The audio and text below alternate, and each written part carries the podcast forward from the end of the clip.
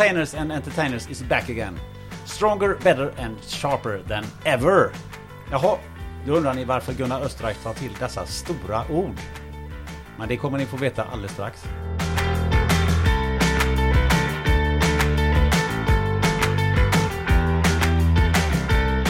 Till att börja med så har vi naturligtvis med oss firma Alm och Mike. Hur är läget? Mike, the mic machine? A-OK. A-OK. Zero defects. Hur är det med eh, herr Alm? Är det zero defects också? ja, det är mycket bra är det. Det är mycket bra? Jajamän. Ja, okay. Strålande är bra. För idag så nöjer vi oss ju inte med att ha med eh, den här firman utan eh, vi har också med oss Johan Trové, VD på Västsvenska Handelskammaren. Välkommen hit! Tack så mycket och jag är också på. Du är också på, ja. Och Kanon. no defect? Nej, den enda defekten är ju att jag kom på mig själv att jag har sagt att jag vill inte delta i paneler på konferenser där det är enbart män. Men vi är ju ingen panel, vi är en podd den här gången. Ja, det är helt riktigt. Bra Johan! Eh, vi ska spela in dig eh, alldeles strax. Eh, men vi ska dyka in i ett annat ämne eh, innan eh, dess. Och det är ju att vi ska ta en liten recap från Chippis. För det var det vi pratade om sist. Då var det ju dagen före Chippis. Och Peter, jag vet att du utlovades, utlovade någonting som heter Chippis da shit. Blev det Chippis da shit? Det var det verkligen. Jag tror det var, var nära på eh, all time high. Vi snuddade på 700 pers. Och maken till glada gäster. Det var, det var som sagt, det är två år sedan vi hade en chippy sist. Och, och ja, var De- lite, de- de var lite så- uppdämt behov kan man säga. Ja men det var så ett kosläpp var det ungefär. De hoppade Ja, omkring så ja. och sparkade bakut och, och ja, de, de var tvungna att faktiskt eh, tvinga alla, ut alla var så pratsjuka med Ja. varandra alltså, för man hade inte träffats på så länge så att det var ju ehm, Ja, man blev ju nästan attackerad och där inne också alla ville prata och alla så undrade, alla hade frågor och sådär och själv ville man ju också gå runt och mingla så att det, det ja, vi Och så- körde på där fram till sena natten. Ja, och så följer vi upp nu med eh, Stockholm Chippis här på nu, På Okej. torsdag. torsdag Ja, 25. i denna veckan, 25.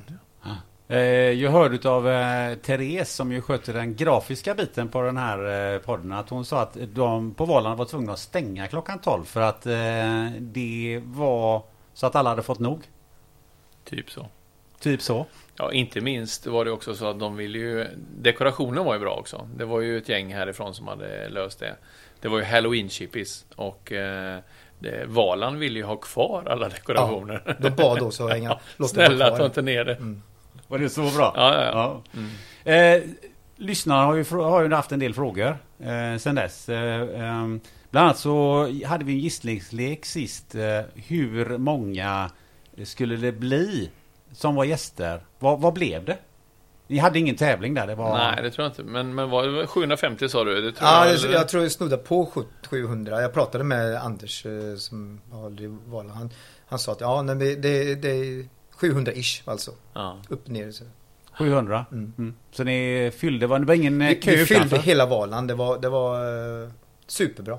En annan fråga man har ställt är Sov Peter verkligen på hotell eller sa han det som en gimmick för att verka cool?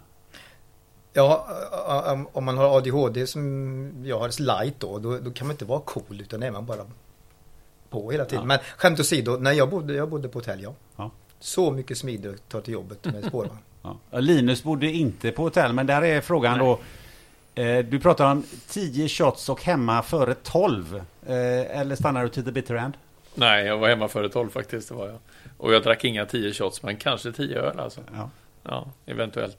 Det festades loss helt enkelt eh, Men då tänker jag att då dyker vi därifrån in i dagens ämne eh, Och jag har formulerat det så här och skulle nu läsa jag till här att vi ska prata om dagens situation i den globala fraktmarknaden och vilka konsekvenser får den för näringslivet idag och världshandeln i framtiden kanske. Och så ska vi titta lite mer på specifikt på aktörerna på logistikmarknaden och hur de kan tänkas agera framåt. Vad tycker du om den formuleringen Linus? Bra, sammanfattar bra det vi har eh, pratat om. Eh, det här blir ju lite grann av en, eh, en, ett uppföljningsavsnitt egentligen på det avsnittet när vi pratade om rederinäringen och situationen där och hur frakterna har gått upp och så vidare. Och vad det är som påverkar den här situationen då och varför det här eh, får de här biverkningarna egentligen som en följd av hela covid-situationen i världen. Då. Så att det, det passar väldigt bra. Nu ska vi väl ta detta vidare. En liten statusuppdatering på var är vi med den här situationen just nu. Eh, vad förväntas lite grann ske eh, i framtiden här och inte minst då hur påverkar detta eh, exportörer, importörer och kanske slutligen även oss som konsumenter då, och marknaden. Mm. Eh, Linus, du har gjort en liten koll eh, hos rederierna. Vad, vad är, hur är läget? Research. En ja. liten research. Är, vad, vad är, vad är statusuppdateringen idag? Ja, situationen är, den är ju fortfarande väldigt ansträngd. Frakterna är ju fortfarande väldigt höga. Om man, om man begränsar det lite grann till att prata om eh, situationen från Asien och hemgående till Europa så ligger ju frakterna fortfarande väldigt högt. Kanske inte, de har varit uppe kanske och snuddat på 20 000 dollar nivån någon gång, men, men där är vi inte nu. Vi är lite grann under det.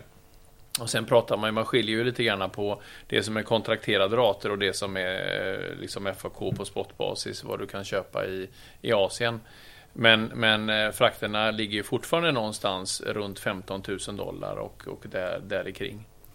Så att eh, kontrakterade rater kanske något lägre och, eh, och spotrater något högre. Eh, så att situationen är fortfarande ansträngd. Det är inte så mycket kanske platsbrist på båtarna, alltså kapaciteten där, utan det är fortfarande containerbristen i stort som är det stora problemet. Då. Eh, och problemen med att väldigt mycket utrustning står kvar i Nordamerika är ju är fortfarande så. Det tar lång tid, en turnaround-tid på, på containrarna som är ute hos, eh, hos kund och vända tillbaka till hamn och gå tillbaka till Asien eller till Europa. Då. Så att det där är ett stort problem och eh, det har ju också bidragit till att det är en enorm congestion, alltså en flaskhals i de här hamnarna. I Los Angeles, Long Beach är det ju en, en eh, mer eller mindre en krissituation. Det ligger ett hundratal båtar på vänt utanför för att komma in. Och eh, de kan ligga där i två veckor innan de kommer in att få lasta och lossa containers.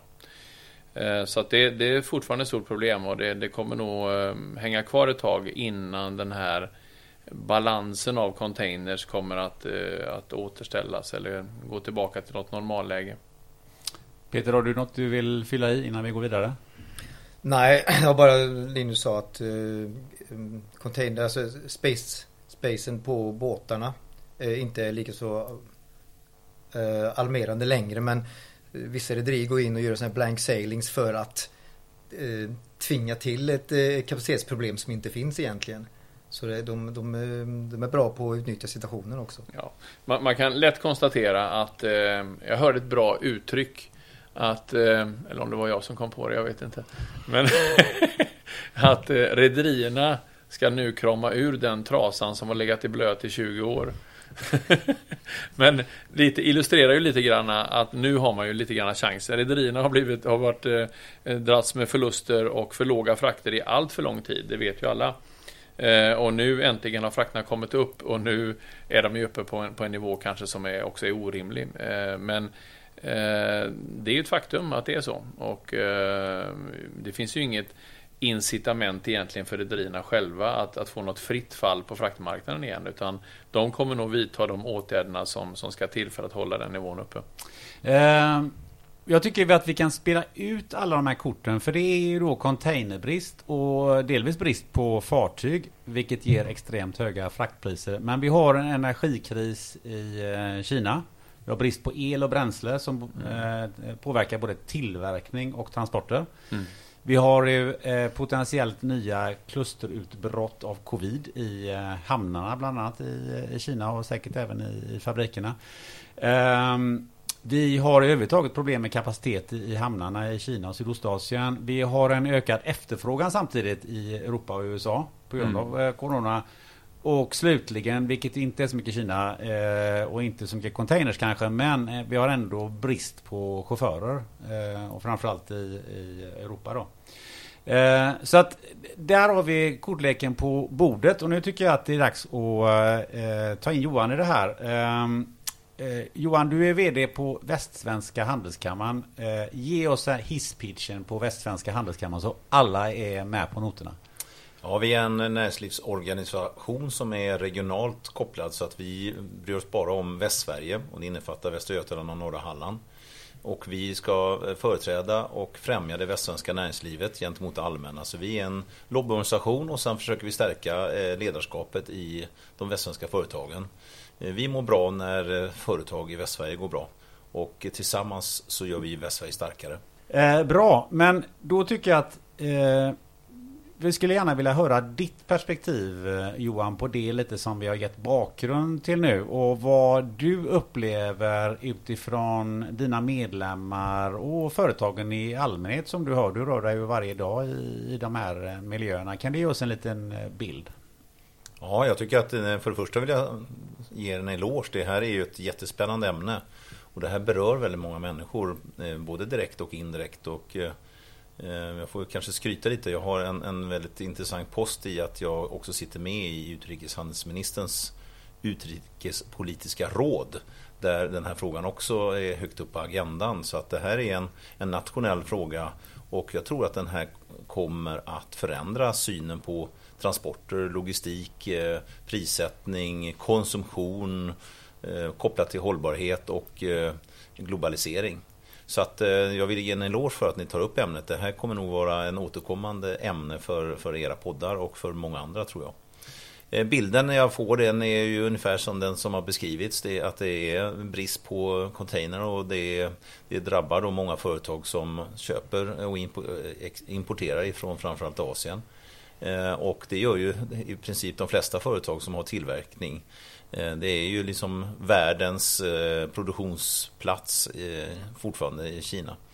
Och sen är det ju många som inte direkt ser någon ljusning heller därför att vi har, står inför en stor säsong i form av jul och julhandel. Och sen efter det så kommer det kinesiska nyåret och sen så har vi en ny sommarsäsong som åtminstone de stora länderna eller kontinenterna Europa och eh, USA eh, och Nordamerika laddar in och väldigt starkt inför. Så att det här kan nog vara ett, eh, en situation som vi kommer få dras med åtminstone ett år till. Men om du tittar på det, var, var ser du de största problemen i, i näringslivet? Var någonstans ställer det här till mest problem? Ja, det är jättesvårt att säga vem som drabbas mest men jag menar det är alla insatsvaror och givetvis ju mer förädlad en vara är desto högre värde har den och, och då blir det kännbart om man inte kan sälja en vara som är, har ett högt värde. Så att, eh, och ett, ett väldigt signifikativt eh, exempel är ju fordonsindustrin där Volvo Cars bland annat nu senast eh, stängde ner i Gent två dagar denna veckan. Eh, så att ehm, det är alla typer av insatsvaror och produkter som, som, ska, som ska nyttjas eh, både i eh, en produktion och sen färdiga varor som ska gå direkt ut till konsument.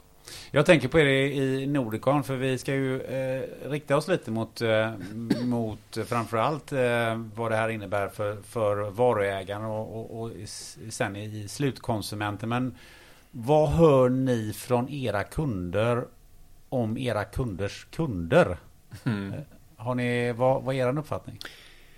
Nej, det är väl ungefär samma, samma situation som beskrivs här. Det är ju naturligtvis eh, stressen över att, eh, att inte ha antingen komponenter till sin tillverkning eller att ha tomma hyllor. Eh, nu står vi inför bara en sån sak som Black Friday, liksom, när de ska ut med, med, med sina varor på, på kampanj och sådana saker. Och det är många importörer som inte har fått sitt gods. Eh, och sen kommer ju hela julhandeln naturligtvis, eh, som Johan är inne på här också. Så att det är, det är nog många som har lite panik nu för att eh, förseningarna är stora. Och det är många som inte ens har fått med sitt gods. Sen att frakterna är höga, ja det är klart det kommer ju Jag tror det är många under det här året nu för nu har ju frakterna varit höga sen i december med utlastningen från Asien 2020. Eh, och det är så i ett års tid har frakterna varit eh, i princip eh, mellan fem och tiodubblade mot vad de har varit historiskt om i närtid. Och, och det, det, många har nog absorberat de här ökade fraktkostnaderna och inte gått ut på marknaden och höjt priserna nämnvärt i alla fall. Men det tror jag vi kommer att se i 2020 nu. Jag tror att man kommer tvingas att, att höja priserna.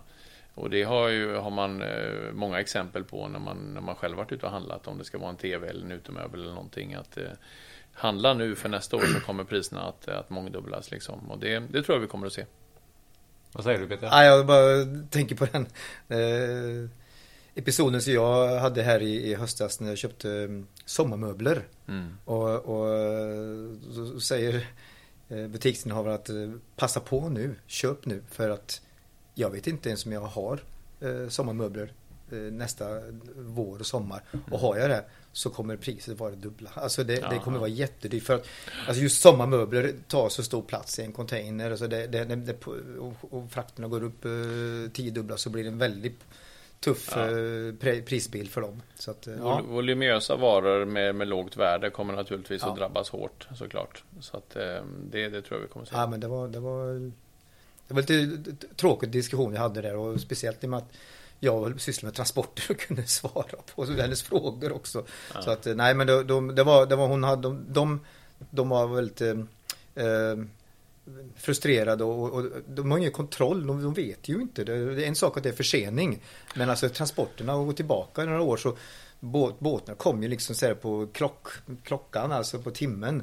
Nu, nu vet man ju inte när de kommer och kommer de så vet jag inte om containern är med. Alltså det, det är lite åt det här hållet alltså. Så att det är dålig kontroll. Osäkerheten är stor. Mm. Vad, vad hör du om varubristen eh, Johan? Nej, men det är väl precis det som beskrivs här, att det är en, osäkerheten är stor. Sen tror jag att många aktörer också använder argumentet att eh, köp nu för det kan vara för sent eh, eller vi kommer inte ha några varor framöver. Men jag hörde nu senast att man ställde in en, en eh, båtmässa uppe i Oslo och ett av skälen, huvudskälen var att man inte hade tillräckligt med båtar och framförallt inte motorer att visa upp. Eh, och, och, det, och kunde man visa upp några motorer så kunde man definitivt inte leverera några om någon ville köpa dem. Så att det visar ändå på allvaret och eh, det är ju bland annat en bransch som har också mått ganska bra under eh, pandemin. Det är ju just eh, båtbranschen ju. Där priserna har ökat. Men man använder oftast det här också, det är, man passar ju på, det var ju någon som nämnde här den här trasan som ska vridas ur det. Det är många som vill försöka vrida ut så mycket som möjligt också utav situationen, det ska vi vara medvetna om. Så att, eh, ja, jag hör mycket både upp och ner som sagt. Men hur, hur, eh, vad hör du från exportindustrin? För där saknas det ju insatsvaror. Du var själv inne på det att man hade stängt ner eh, två dagar sa du i, i Gent. Har du hört något liknande från tongångar från Göteborg till exempel? Ja, det, det har ju varit, man, man har en, en, man balanserar hela tiden, många aktörer på att man inte kan fortsätta produktion om man inte får insatsvarorna. Eh, Sen har jag inte några tecken på att det just är alarmerande just för stunden. Men eh, situationen är inte bra och det här har ju fått väldigt många att tänka till. Eh, Vi har ju haft några sådana här kriser nu de senaste åren som är kopplat till shipping och, och med långväga gods, eh, framförallt från Asien. Men vi hade ju en, en kris borta i Panamakanalen när ett fartyg fastnade där och sen har vi haft Suezkrisen och nu pandemin. Så att det, det finns ju de som börjar fundera på att eh, kanske flytta tillverkningen eh, utav just komponenter och insatsvaror lite närmare Sverige och sin hemmamarknad för att inte hamna i den här osäkerheten. Så det här kommer, det här kommer nog förändra en hel del eh, bilden och sen det kanske vi ska ta upp lite senare men också just in time-tänket där, där många anammade det under 80-90-talet och det har ju hängt med och det visar sig nu att eh, man stod sig slätt. Det kommer vi absolut att, komma in på. Jag tänkte bara att vi skulle ta en sväng in på det här med prisökningar och, och hur det kan påverka eventuell eh, inflation och så vidare. Och har ju, vet ju att en del aktörer har varit inne på. Ehm, jag har något citat här från, från en byggare faktiskt i Åhus i någon, jag minns inte vilken tidning det var, men han säger det är svårt att göra ett projekt som entreprenör när man inte vet om man får tag på alla grejerna. Eh, och han uppskattar en prisökning på en eh, 10-20% i år. Och, och oavsett om, om man nu är, vill vrida disktrasan eller inte. Men har man inga produkter så kan man inte vrida så himla mycket i disktrasan. Eh, så att eh, jag funderar på eh, hur, ser det ut med de här prisökningarna? Har, har ni hört någonting på, förutom det vi var inne på här, att eh, det här kommer att och, och till slut, till syvende och sist, hamna hos konsumenten? Ja, men det, det är väl en självklarhet tror jag. Eh, det, är ju, eh, det, det sker ju i alla led. Jag menar, i ditt exempel där så är det klart att, eh, att den hantverkaren är ju beroende av olika typer av varor för att kunna utföra sitt jobb och det kommer ju gå upp i pris naturligtvis. Och sen är det ju osäkerheten i om du får varan eller inte. Oftast när det gäller ett byggprojekt så kanske du har en deadline att förhålla dig till och den, den kan nog vara ganska svår att stå för i de här tiderna. Alltså. Sen, sen är det så att eh, om vi tar insatsvaror för bygghandel så, och byggvaror så har ju den gått upp under eh, pandemin. Ja. Eh, och där ser man ju nu att det börjar gå tillbaka lite så att det, det är inte jämnt över så att säga för alla varor tror jag. Man ska inte dra alla varor över en kam. Vi har ju faktiskt mycket som produceras också i vårt närområde och mycket av råvarorna som kommer från Sverige. Så att eh, Ja. det ska vi vara tacksamma för också. Är det någon som har hört några tongångar kring eh, om det här kommer att påverka inflationen i, i stort? Ja, jag vet inte om du kan svara på det bättre Johan, men, men jag tycker det måste vara en självklarhet att eh, i takt med att, att hela prisbilden drivs upp, eh, konsumtionen ökar, priserna ökar, så måste det vara inflationsdrivande också. Man pratar ju om räntehöjningar och det, det är så många saker i samhället som, som får en kedjeeffekt här. Och det är klart att eh, alla de tecknen på att detta ska leda till ökad inflation är väl där. Vad tror du Johan? Nej men det är väl, jag, jag har inte hört några som har talat om det men rent logiskt, precis som du säger, så, så bör det vara en effekt. Eh, Men Riksbanken eh, säger fortfarande att eh, räntebanan ligger fast fram till slutet 20, 2022. Men det, jag har sett i media att det är många som spekulerar just nu. Och eh, det här kan vara ett av skälen till att det också slår in att eh, vi får en ökad inflation och därmed också ökade räntor. Ehm, jag tänker på det, kan, kan eh, ge en bild lite. Jag vet att du Linus har varit inne på det, att det är en väldigt stor skillnad eh, på Peters trädgårdsmöbler och kanske en container med, med iPhones på hur de här enorma prisökningarna eh, påverkar. Ja, det är klart. Ja, ja. Nej, men det är klart att om du bryter ner vad transportkostnaden utgör för procentuell andel av varans värde så är det klart att, eh, att den procentuella andelen blir mycket mindre om du fyller en, en container med iPhones eller om du fyller den med, med, med, med trädgårdsmöbler. Eh, Så att det säger ju sig självt och där kommer du säkert se en dubbling av trädgårdsmöblerna medan iPhonen kanske får gå upp med, med några procent. Liksom. Så att, eh, men, men att det kommer att justeras i alla, alla led, det, det tror jag verkligen. Jag kan inflika då att jag köpte de möblerna så att jag... Ja, bra. Problemet är över för mig. Ja, eller, eller så kan det få till följd att någon kom på den geniala idén att börja tillverka trädgårdsmöbler i Sverige. Det kanske är något för dig? Exakt. Ja, ja. Nej, jag kan sälja dem lite dyrare.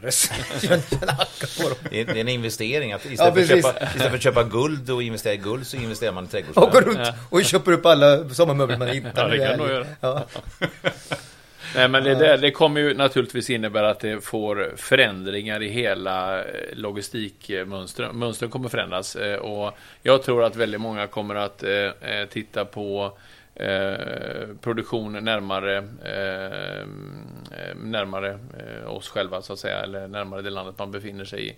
För att eh, ska säga, minska det här beroendet utav transporterna och, och vara en slav under de här förseningarna som kan vara och så vidare. Det, det, dels det och dels en ökad lagerhållning närmare produktionen. Så det kommer nog vara en kombination av detta. Men det är inte så lätt tror jag att hitta eh, produktion av de här lågva, lågvärdiga varorna som produceras i Kina eh, i, i Östeuropa eller liknande. Men jag tror inte att det är så lätt. Men, men de industrierna och de näringarna som kan göra det kommer definitivt att titta på den, det alternativet, det tror jag. Någonting som jag tänker på där att eh, vi har varit inne på det här logistikföretagen, rederierna tjänar enorma pengar just nu. Finns det några andra branscher som, som tjänar på den situationen som vi har idag förutom logistik och transport?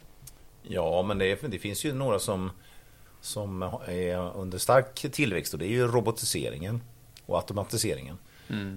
Och de som jobbar med det, de kan ju faktiskt eh, sälja mer utav sina produkter därför att en, en tillverkning som sker med robot i Kina, den är ju lika billig eller dyr som eh, om den roboten står i Sverige. Så det tycker jag, det är, där ser jag ju en, en möjlighet för många företag inom det området. Så, och kanske de företag som redan har investerat i en hög automatisering och robotisering, de får en, eh, en boost nu då kan man väl säga. Ja, i och med att priserna ökar som vi säger på insatsvaror så kan man om man har den typen av tillverkning i till exempel Sverige så, så kan man ju faktiskt få upp sina priser. Så det är ytterligare några som kommer tjäna på det.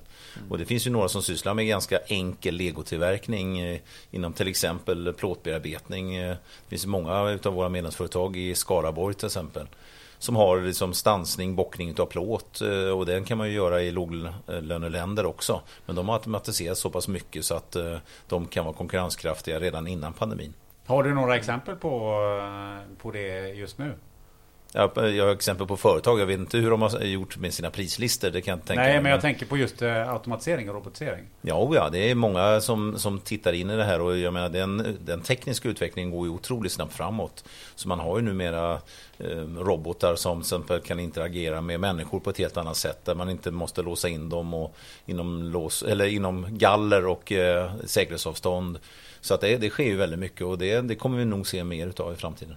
Jag får en, eh, en eh, snabb tankebrygga till, till det som ni ofta pratar om, eh, Linus och Peter, om era IT-investeringar som ni har gjort i, i, i Nordicon och de som görs och vilken skillnad det är i, i eran bransch de som Mm. har faktiskt gjort de här investeringarna och har, en, har ju en jättehävstång idag, eller? Ja, absolut. Men så är det väl i hela logistikbranschen tror jag. Allting automatiseras ju mer och mer. Eh, så det är klart att du måste hänga med i den utvecklingen för att kunna leverera till, eh, till, till slutkund liksom på, ett, på ett effektivt sätt och, och uppfylla de, eh, de kvalitetskraven som ställs. Men, men det som Johan pratar om här är ju mer att effektivisera produktionen och, och att robotisera den på hemmaplan snarare än att göra det långt borta och behöva transportera varorna. Då. Sen tycker jag det är spännande just med eh, lagring. Det, det, vi fick ju ett, ett abrupt uppvaknande under pandemin här att man inte ens hade skyddsmasker så det räckte eller respiratorer och så vidare. Och det här tror jag hela världen tänker om. Och vi i Sverige, vi, vi tog ju bort våra beredskapslager. Så jag hör ifrån våra medlemsföretag också att det är en stor efterfrågan på lager och lagerkapacitet. Så att de som säljer lagerbyggnader, om du ska ut efter några som tjänar pengar på eh, den här situationen, så är det de som, som eh, producerar och säljer lager. Eh, för jag tycker att vi, vi tar oss in där nu. Jag vet att du Johan gjorde en, en intressant betraktelse där just när vi, du nämnde just in time här. Var kommer det begreppet ifrån och vad, vad hade det för bäring då jämfört med vad det egentligen har blivit? Ja, väldigt kort, jag tror att det kommer från Toyota som, eh, som startade det någon gång på 70-talet tror jag. Eh, Där man ville eh, minska sina lager därför att räntorna då var höga så man band mycket kapital i sina lager. Och man krävde av sina underleverantörer att leverera just in time när, när de här insatsvarorna skulle in på det rullande bandet. Eh, Det som då skedde i Toyota, eller Japan, det var ju att man också underleverantörerna la sina tillverkningsenheter ganska nära Toyotas sammansättningsfabrik. Eh, och det kan man säga att det var nog ett litet misstag som övriga världen eh, när man skulle ta med sig just in time-tänket. För då glömde man det där att underleverantören skulle vara nära eh, slutmonteringen. Och redan där gick man lite fel faktiskt. Men man fortsatte på den vägen och, man kunde väl göra ganska stora besparingar genom att minska sina lager. Sen allt eftersom räntorna har sjunkit och är nära noll nu samt att vi då ser att det blir en osäkerhet i, i möjligheten att producera om man inte har varorna. Så, så tror jag att man eh, tänker om helt och hållet. Eh, så att det kommer bli väldigt spännande att följa vad det här kommer få för effekter. Lager har ju nämnts några gånger. eh, Peter Linus, jag vet att Nordicon har ju en del satsningar inom lager. Vad, vad ser Mm. ni inom det här området? Eh, nej, alltså jag skulle vilja gå tillbaka några år, sådär eh, tre, fyra, fyra år, någonting fem år kanske, när man började bygga ut logistikparker och det här var i planerna. Eh, och jag tyckte det, det, det byggdes upp eh, logistiklager överallt i hela Sverige. Alla krigade liksom om vem som var den eh, mest strategiska logistikplaceringen i Sverige och så vidare. Och redan på den tiden så tänkte jag så här, herregud vad man förbygger sig nu. Alltså det byggs lager överallt. Eh, och sen så eh, när vi kom närmare eh, pandemin här så tyckte jag, men herregud, efterfrågan finns ju där. Och det var då någonstans, nu har ju vi drivit terminal i lång tid, men egentligen bara för vår egen samlastning. Eh, och det var någonstans där som tankarna väcktes, och det här är ju egentligen innan pandemin, att eh, efterfrågan den bara ökar och ökar och ökar. Och sen kommer pandemin och mitt i den här pandemin då, då har ju den kurvan bara gått rakt upp alltså. För att det, det blev väl lite panik i luckan. Det var ju stora importföretag som, som normalt sett kunde svälja de här volymerna. Men så blev det förseningar och sen fylldes deras lager upp. Och sen så stod de där med 140 fotar i hamnen och sa, vi vet inte vad vi ska göra av det. Kan ni lossa dem och ta in det på lager? Och, och det här, det här eh, ökade efterfrågan, den har ju bara fortsatt och fortsatt. Så det är lite grann som någon plogbil som, som skjuter detta framför sig känns det som. Och det som man har byggt för under de senaste fem åren, det räcker ju inte till. Och jag tror att det här kommer att öka. Jag tror att lager nära produktionsenheter, lager nära konsument i samband med e-handel också sådana saker, det kommer bara öka och öka. Eh, så att det kommer att bli transportlogistik på ett annat sätt, tror jag. Man kommer att ha de här lagren och man kommer att fylla på lagren, kanske också i, i mindre, istället för att köra 10-40 fotare till ett centrallager mitt i Europa någonstans. Så tror jag att man kommer köra mindre partier mera regelbundet ut till lager som är närmare konsument och produktionsenhet. Och det är en ganska stor förändring i hela logistikhanteringen och därmed ett ökat behov av, av lager, eh, lagerhållning runt om i hela Europa skulle jag säga. Nej, men vi märkte ju direkt, det är ju nu ett år sedan vi drog igång eh, terminalen i, i hamnen. Mm. Eller vid hamnen skulle jag säga. Och, och det skulle ju både ha import och export var, var, var, var tanken. Men vi började med importen men vi, den fylldes ju upp ganska snabbt den terminalen ja. fast, den, fast den var tämligen stor. Eh, så vi tvingade att sätta upp eh, en terminal till för export. Och nu bägge fyllda så får vi titta på en tredje terminal. Ja. Så det, det, det, alltså det, det, det, jag menar, det belyser det du säger ja, ja. Linus, att, det, att det, det finns Jag ser samma tendenser också bland de stora logistikföretagen. För det är många utav de stora logistikföretagen som driver och har driftat logistikcentra. Eh, men det är också väldigt många som inte har velat eh, gå in i den kapitalbindningen som det innebär och risken som det kanske innebär att driva lager. För, för står det där Eh, står du där med, med, med halvfulla lager så kostar det rätt mycket pengar ganska fort. Så det är många som inte har klivit in i det, men jag ser en tendens nu att många satsar på det. Många vågar ta risken helt plötsligt och ändrat sin, eh, sin eh, inriktning och, och eh, signar upp på stora lager. Och vissa även bygger nya lager och så vidare. Och vi, vi är ju i det sammanhanget inte så stora i, i, eh, inom terminalvärlden ännu, men vi hakar ju på den här vågen och tycker att det är ganska spännande faktiskt. Man kan lägga till också att vi har inte berört klimatfrågan och hela den trenden. Och då kan man säga att Just In Time var ju definitivt inte klimatsmart. Så att eh, här ser vi också en annan väldigt stark trend som, som skjuter på och hjälper till den här plogbilen då att, att uh, lyfta efterfrågan på just lager i framtiden. Hur ser det ut bland uh, dina medlemsföretag och planeringen runt omkring Göteborg? För är, är det mycket nya lager på gång? Ja, oh ja det, det är väldigt mycket lager på gång och uh, det det, det planeras och man, precis som sades tidigare, alla vill ju profilera sig som den bästa platsen för att eh, hantera logistik och lager. Eh, nu ligger Göteborg fantastiskt bra till här men jag tycker till exempel sån kommun som Borås har ju laddat in ganska ordentligt eh, och riskat i sin exploatering utav marken runt Viared till exempel. Mm. Och där hade man ju inga hyresgäster när man markla, planlade den, den ytan. Och den är dubbelt så stor som Landvetter flygplats har jag räknat ut. Eh, och där har man ju fullt nu så att säga. Det börjar byggs överallt och det här kommer vi se på många platser runt om. Ja, det är ju enorma byggnader man har gjort där runt eh, när man åker in till Borås från, från Göteborg. Ja. Med, med, eh, jag vet inte hur mycket man har sprängt bort i form av berg där. Nej, men, men det är likadant om du färdas runt på, på de stora trafiklederna. Jag menar, ta E6 ner mot Malmö när du kommer utanför Halmstad eller utanför Landskrona och utanför Malmö. Det, det är lager överallt och eh, det här kommer vi nog se en ökning av framöver och även i Göteborgsregionen. Det finns ju flera områden som jag vet man är på väg och nu att exploatera. När, när det inte går mer att bygga ut till exempel i närheten av hamnen så vill man hitta ställen där som är nära till infrastrukturen eh, en bit ut utanför. Hela, hela området väl ifrån hamnen upp hamnen. mot Volvo liksom. Mm. Hela det är väl eh, plan, planritat för, för, att bygga lager eller? Ja, precis. Hela logistikparken. Ja. Sen, sen vet vi inte vad som händer. Det kanske kommer nya industrier också eh, ja. framöver och då kanske de går före. Mm. i kön. Vi har ju bland annat en batterifabrik på väg in eventuellt så att det ska bli spännande att se mm. vad det kommer bidra till. Men där har vi ytterligare behovet av lager och produktion och arbetstillfällen och så vidare. Så det är jättespännande det som händer. Eh, vi, vi har ju pratat lite grann om kostnaden här och kostnaden påverkar ju eh, hur, hur, vi ska, vad vi ska ha lagerhållning och så vidare. Jag tror du nämnde förut Johan här att du sa frakterna är fortfarande ganska billiga och har varit eh, för låga. Kan du utveckla det lite grann? Nej, jag sa nog inte att frakterna är för billiga idag. Utan jag tycker att men de har nog historiskt varit alldeles för låga och det, har ju, det finns ju en otalig eh, uppsjö med exempel på som visar på att transporter är för billiga. Rent allmänt. Jag menar, livsmedelsbranschen har väl varit den här klassiska. Jag, jag höll föredrag på min tid, eh, mitt tidigare liv eh, inom logistikbranschen och det här var ju 20-25 år sedan. Men där man som sagt föder upp grisar i Danmark och sen skickar man ner köttet till Frankrike tror jag var där man rökte det och sen så skickar man det till Tyskland för man skiva, paketerar och sen åkte det tillbaka till, till Sverige för att eh, sälja det.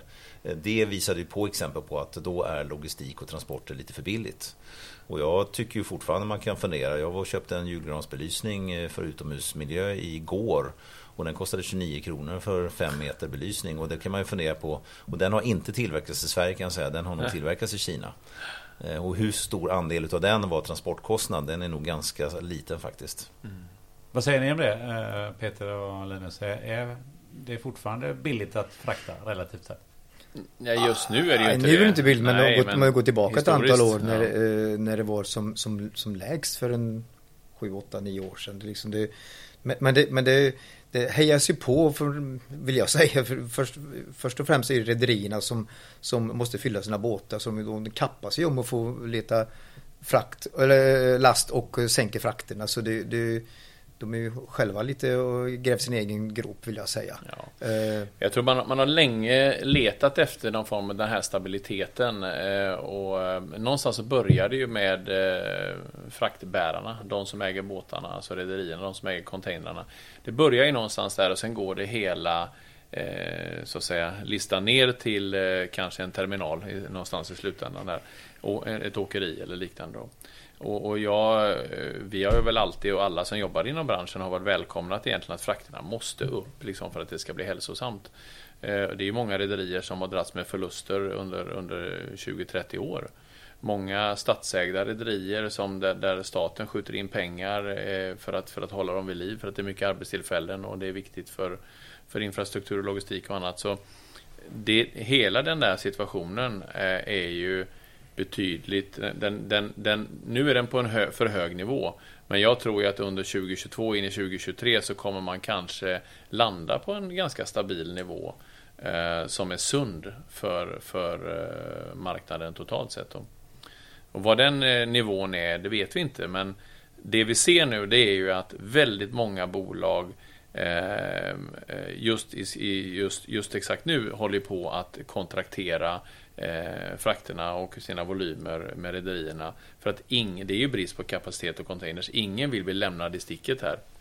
Så det är väldigt många som skriver ettårsavtal, tvåårsavtal, treårsavtal nu på frakter och, och kontrakterar sina volymer. Framförallt på importen då. Så att, eh, ja. Sen vet inte jag just nu, jag följer ju inte det dagligen, men hur det är med landtransporter och lastbilstransporter framförallt. Om det också har stuckit i höjden eller om det ligger hyfsat still. För de har ju också historiskt varit väldigt billigt att, Absolut. att frakta en, en pall ifrån 100 mil till exempel. Det, det är ju liksom, det är billigare att, och, eh, att frakta en pall på ett ton än att åka som person. Så att det, egentligen skulle man själv eh, kanske sända sig själv som ett eh, kolli på en pall för, om man ska åka till Stockholm för det är billigare.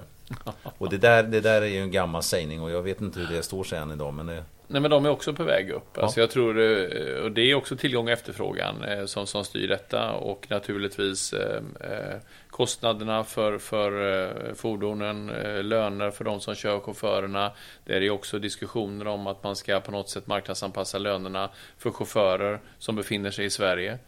Att de inte ska kunna köra på eh, Eh, polska löner till exempel i Sverige och så vidare. Och det, det, här är, det här driver ju upp hela kostnadsbilden och driver upp priserna på transporter också.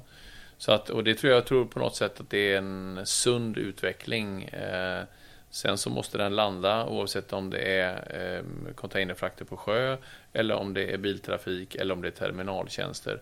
Så måste det landa på en rimlig nivå. Men man kan ju säga att det här, det här kan ju då oroa väldigt många men det, det föder ju en annan sak och en, en uppsida faktiskt. Det, det är ju också att det här kan ju skapa fler arbetstillfällen i Sverige. Därför att man, ju dyrare det blir att transportera och ju högre lönerna blir i låglöneländer det har vi exempel på att det jackas upp så, så finns det ju då möjligheter och automatisering och robotisering vi pratat om tidigare så kan det här innebära att vi har fler arbetstillfällen inom hedlig gammal tillverkning så att säga i Mm. Sverige.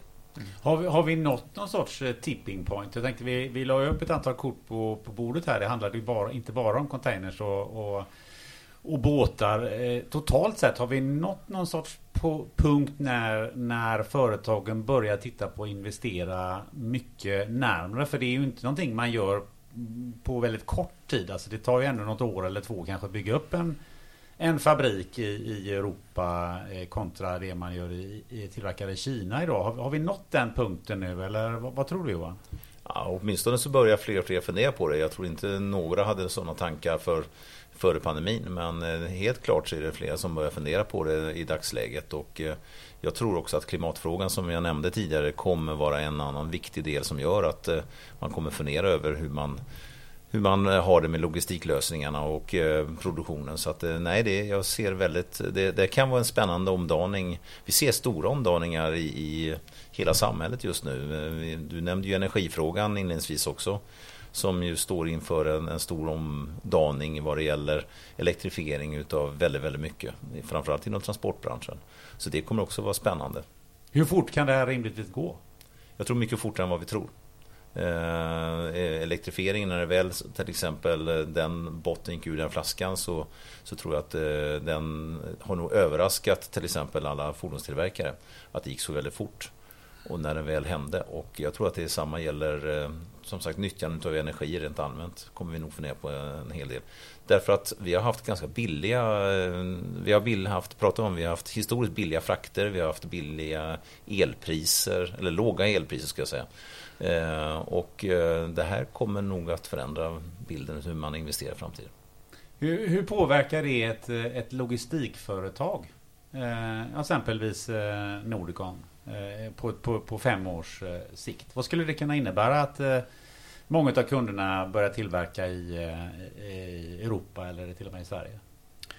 Ja, då blir det andra trafiker än Kina. Då kanske det blir mer, mer transporter eh, på närområdena i sådana fall. Ja. Jag tror också det. Att det ju, nu finns det olika transportsätt att samlasta på. Eh, det är inte bara containers ifrån Asien utan eh, det är ju järnväg och liknande och förvisso så, så är ju vårt fokus där är också importen och, och transporterna till och från Kina, och mellan Kina och Europa. Men vi kanske danar om oss och, och samlastar mera på biltrafik i Europa och liknande. Så att det är lite grann att ändra sig efter hur marknaden kommer se ut. Nu tror inte jag att den totala kakan utav styckegods runt om i världen kommer att minska. Jag tror att den kommer att öka. Eh, och kanske plockar en del ifrån eh, de här stora ehm, eh, flödena av fulla containers. Så att det kommer nog regna lite grann på oss som sysslar med samlastning, det tror jag. Men varför tror du att styckegodsmarknaden kommer att öka? Nej, därför att jag tror att man kommer att köra mycket, mycket flera mindre partier helt enkelt och mera regelbundet. Kapitalbindningen blir mindre om du tar 10 pallar istället för 10 containers. Ja. Att du, du, lägger på på var, varje båt som går varje vecka, sprider ut det. Ja. Du sprider risken också definitivt. Ja, det är sant. Men jag tror inte att vi kommer se, det är inte så att eh, alla kommer hämta hem sin, sin produktion från Kina. Men jag ser att några kommer göra det. Men sen ska vi veta att hela, hela konsumtionsmönstret ökar ju bara i världen och, och fler köper varor. Så att eh, det kommer ju öka också totalt sett. Så tittar vi tio år framåt i tiden så så kanske volymerna är de samma från Kina men det har ökat på i närområdet. Mm. Då kommer vi till den här eh, 10 000 kronors frågan eller en miljon kronors frågan. Hur länge kommer det här att hålla i sig när det gäller eh, nivåer på, på fraktpriser? Vad tror ni? Jag tror att det kommer hålla i sig eh, under hela 2022. Jag tror att eh, om man säger, jag tror vi kommer ha nuvarande fraktnivåer kanske fram till sommaren skulle jag tro. Eh, sen beror det lite grann på om du tittar på frakterna spotmarknaden eller det som kontrakteras. Eh, det man hör nu är att de som kontrakterar sina frakter eh, på kanske två till tre år, de kan ju skriva kontrakt på någonstans 7-8 tusen dollar. Eh, och det sätter ju någonstans en, en riktlinje och ett golv kanske var frakten är på väg emot. Sen hur fort det går är jättesvårt att säga, men jag tror att vi kommer att, att eh, landa någonstans runt kanske 10 000 dollar i slutet på 2022. Och det kanske är en sund nivå, någonstans mellan 5 och 10 000 dollar för en 40-fotare från Asien och, och, och hem. Det kanske är en sund nivå för alla parter, tror jag. Vad tror du va? Ja, men jag, de signaler jag har fått överensstämmer väldigt väl. Eh, och det är, efter sommaren så går de nog ner men de går definitivt inte ner till gamla nivåer utan eh, ja det är intressant. 5-7 mm. tusen dollar, det, nej, det kan väl låta väldigt eh, logiskt också. Mm.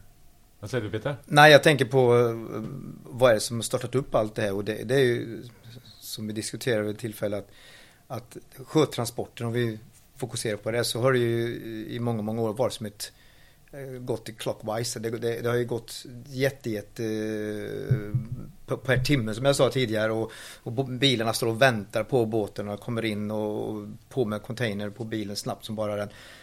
Alltså det globala logistiksystemet är ju satt helt ur spel nu. Eh, det Linus berättade hur det är i olika hamnar och så. Det kommer ta tid. Eh, mm. Förhoppningsvis så kommer det vara, eh, ser vi en, en förändring, eller förhoppningsvis, men jag tror det blir en förändring till hösten.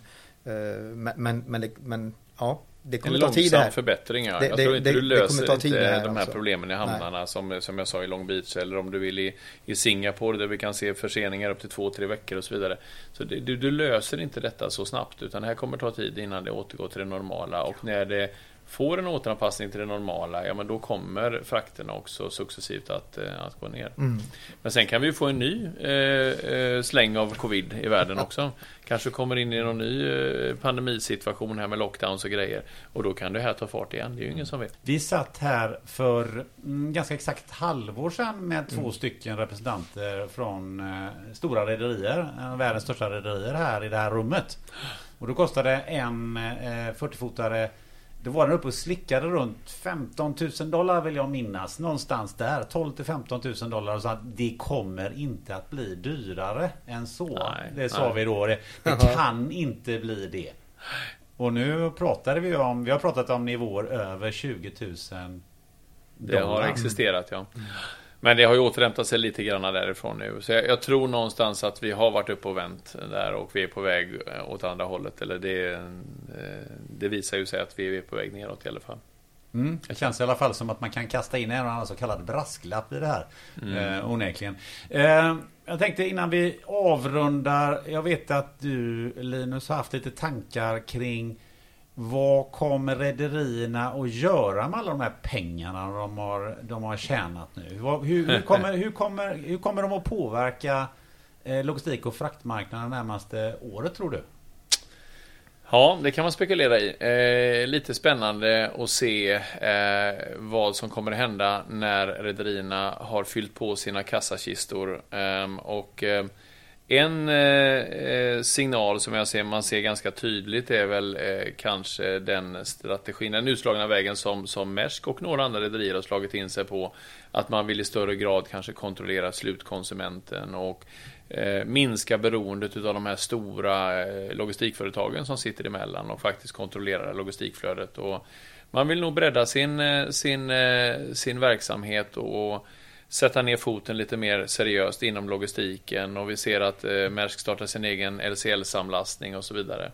Och det är ju ganska behändigt i de här tiderna eh, när frakterna är så höga och marginalerna är så stora att man faktiskt har den makten att köpa in sig på marknaden och eh, gå in och erbjuda eh, mycket lägre containerfrakter för, kontra för kontrakt som är långa. Och det tror jag man kommer kunna se om man tittar i våran eh, bransch då som, som, eh, som är styckegods. Eh, så det är klart att om Maersk och andra rederier som har den möjligheten kan gå in och erbjuda ett års, två års kontrakt eller liknande på stora LCL-flöden pratar vi om då. Till en betydligt lägre frakt än vad marknaden tillser idag. Så kan man ju attrahera stora volymer och det kommer ju kanske i första hand inte vi lida så mycket av, inte i första skedet i alla fall, som är en neutral samlastare, utan det blir de stora logistikföretagen som i sådana fall då kommer att gå miste om stora RSL-flöden. Sen kommer det kanske på något sätt ge en effekt också för oss neutrala samlastare, att, eh, med, med tanke på våran prissättning och så vidare, som egentligen är en, en följd av containerpriserna. Då. Så att ja, det, det, det, här kan, eh, de kommer nog eh, eh, att försöka öka sin, sin, sin ska vi säga, maktposition i, i den mån de är det nu då. Att de, de äger ju faktiskt tillgångarna, fartygen och containrarna. Sen kan man ju säga att de kanske ger sig in i det som vi har pratat om ganska mycket här, nämligen lager. Ja, absolut. Det hade ju varit en bra start, eller en, en, en logisk start för att sen ge sig in på slutkonsumenten. Ja. Eh, och där eh, tänkte jag just på, på några andra som kanske har tjänat en del pengar. Om man tillverkar containrar så borde man ju också tjäna lite mer pengar nu. om det är en brist på dem. Ja, ja. Eh, Det vet jag inte men det, det, var, det borde vara några som sätter igång svetsaggregaten. Så Ja, vad det tror ni? absolut. Ja, ja, det, det, tillverkning av containrar och försäljning och försäljningspriserna har gått upp enormt mycket. Så att det, det är ju en effekt som, som, som är naturlig i den här situationen. Men eh, om vi säger så här då, Johan, nu har du ju hört massa eh, olika bitar i, i det här. Vi har ju både fördjupat oss i, som vi gjorde alldeles nyss här då, i, i, eh, just i samlastningsbiten, men ju även hållit oss på en, på en ganska hög nivå. Hur, hur ser du på det här eh, och hur skulle du vilja eh, sammanfatta lite grann det som vi har pratat om nu? Jag tycker att det är, vi står inför eh, fem väldigt spännande år som kommer framöver. De kan ju faktiskt omdana hela logistikbranschen eh, och produktionen eh, ute i världen. Och, så att jag ser att det här är nog, är man inte med i matchen här nu och ser över sina affärsplaner och liknande och framförallt hur man lägger upp sina, sina logistiklösningar. Det är ju där många företag går bort sig, det är ju på logistiklösningarna. Eh, så att det, det här kommer nog att kräva eh, lite eftertanke och det kommer vara jättespännande att följa detta. Eh, och jag har ju fått lite mer insikt i, i med två experter här nu idag.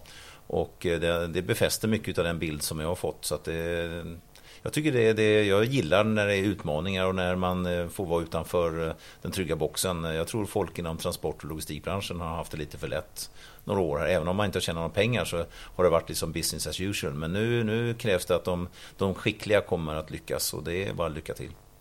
Vad säger du Linus?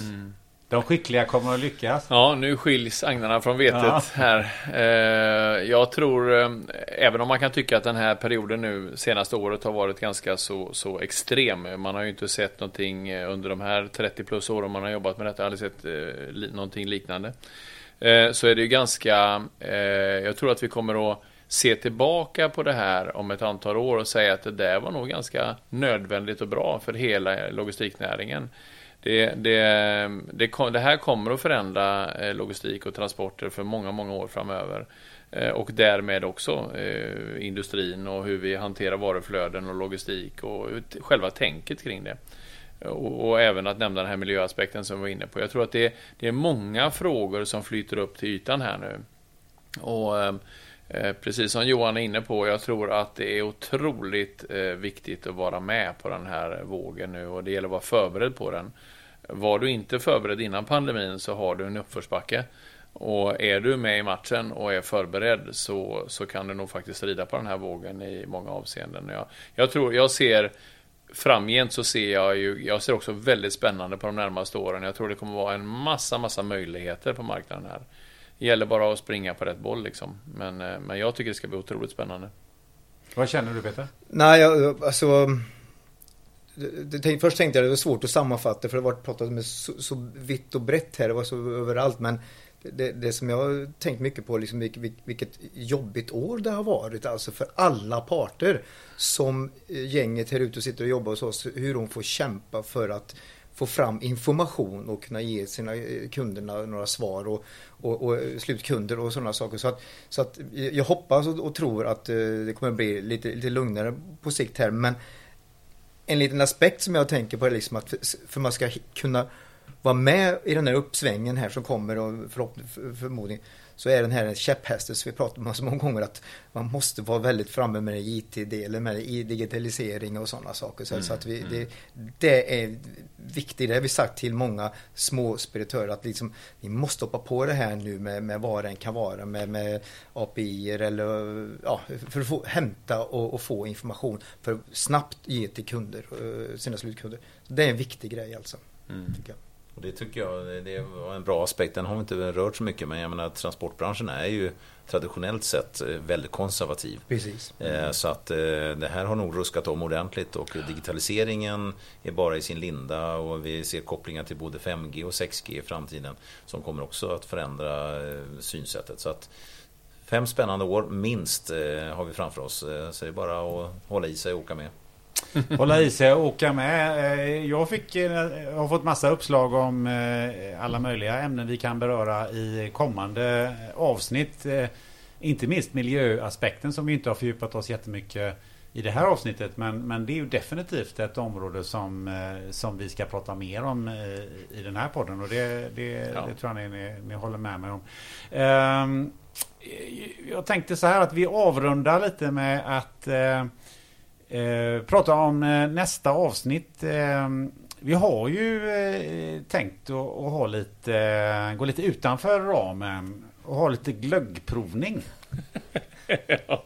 Ja, det har varit på tapeten faktiskt. Jag ja. vet att du gör ju egen glögg. Jag gör egen glögg, ja. Den står glögg. hemma och puttrar nu. Den står hemma och puttrar. Jajamän. Sen är, det, sen är du tveksamt om vi får med honom där va? För att han Jag säger dricker att inte glögg. han Nej, dricker inte glögg. Bara boxvin. Ja, men, om vi, men vad tror du om vi, om vi stoppar in din glögg Ja. i en låda? Och med en kan- kran på. Då dricker han den. Då, då, Jag, jag, jag ser inte någon skillnad på det då. Det, rött är gött. Det, det är Jag ju... vet, jag ja, vet. exakt. Nej, men jag tänkte att vi, vi ska se om inte vi kan hitta på någonting och eh, ja, men eh, prova lite glögg, önska god jul, eh, ge lite tankar om kanske kommande avsnitt eller avsnitt som har varit under året, vad vet jag. Eh, och sen vet jag ju också att eh, du har utlovat glöggchips. Nej, det, jag. det var ja, när du frågade vad eh, inom chips, om jag saknade Ja. någon chipsort Ja. sa du, ja, det var kanske glöggchips. Ja. Ja, men tänk att du pratar hittat glögg, dem. ja. Jag får väl göra det då. Jag kan göra egna chips och så doppar jag dem i glögg och sen så torkar jag dem och så äter vi dem här. Det tycker jag Inte vet jag. Ja, ja, Det- ja, det är får... härligt. Jag tänkte ju säga så att vi kanske ska göra, prata om någonting annat än glögg och chips när vi träffas nästa gång. Ja, vi ja. kanske ska ha något mer ämne. Det kan vara ett uppslag för att lägga i förslagslådan uppe på Estrella. Ja. När har vi det? Mm. Ja, Jag, ja, jag, alltså- jag tycker bara att vi dricker på istället. Ja, det blir en, eh, en, bara en entertainers-podd. Ingen, inga containers. Bara... Li- Lite pluralstuk där bara. Ja, ja, ja. ja, just det. Ja, men har du något eh, spontant något ämne? Om det inte ska vara glögg och inte chips?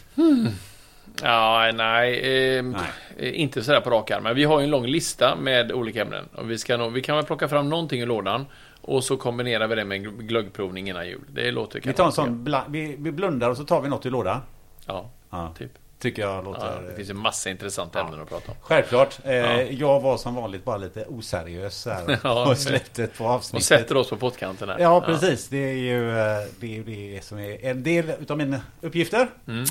Eh, Men då tänkte jag så här att vi tackar Johan för eh, alla kloka ord och att du vill eh, spendera din tid här tillsammans med oss.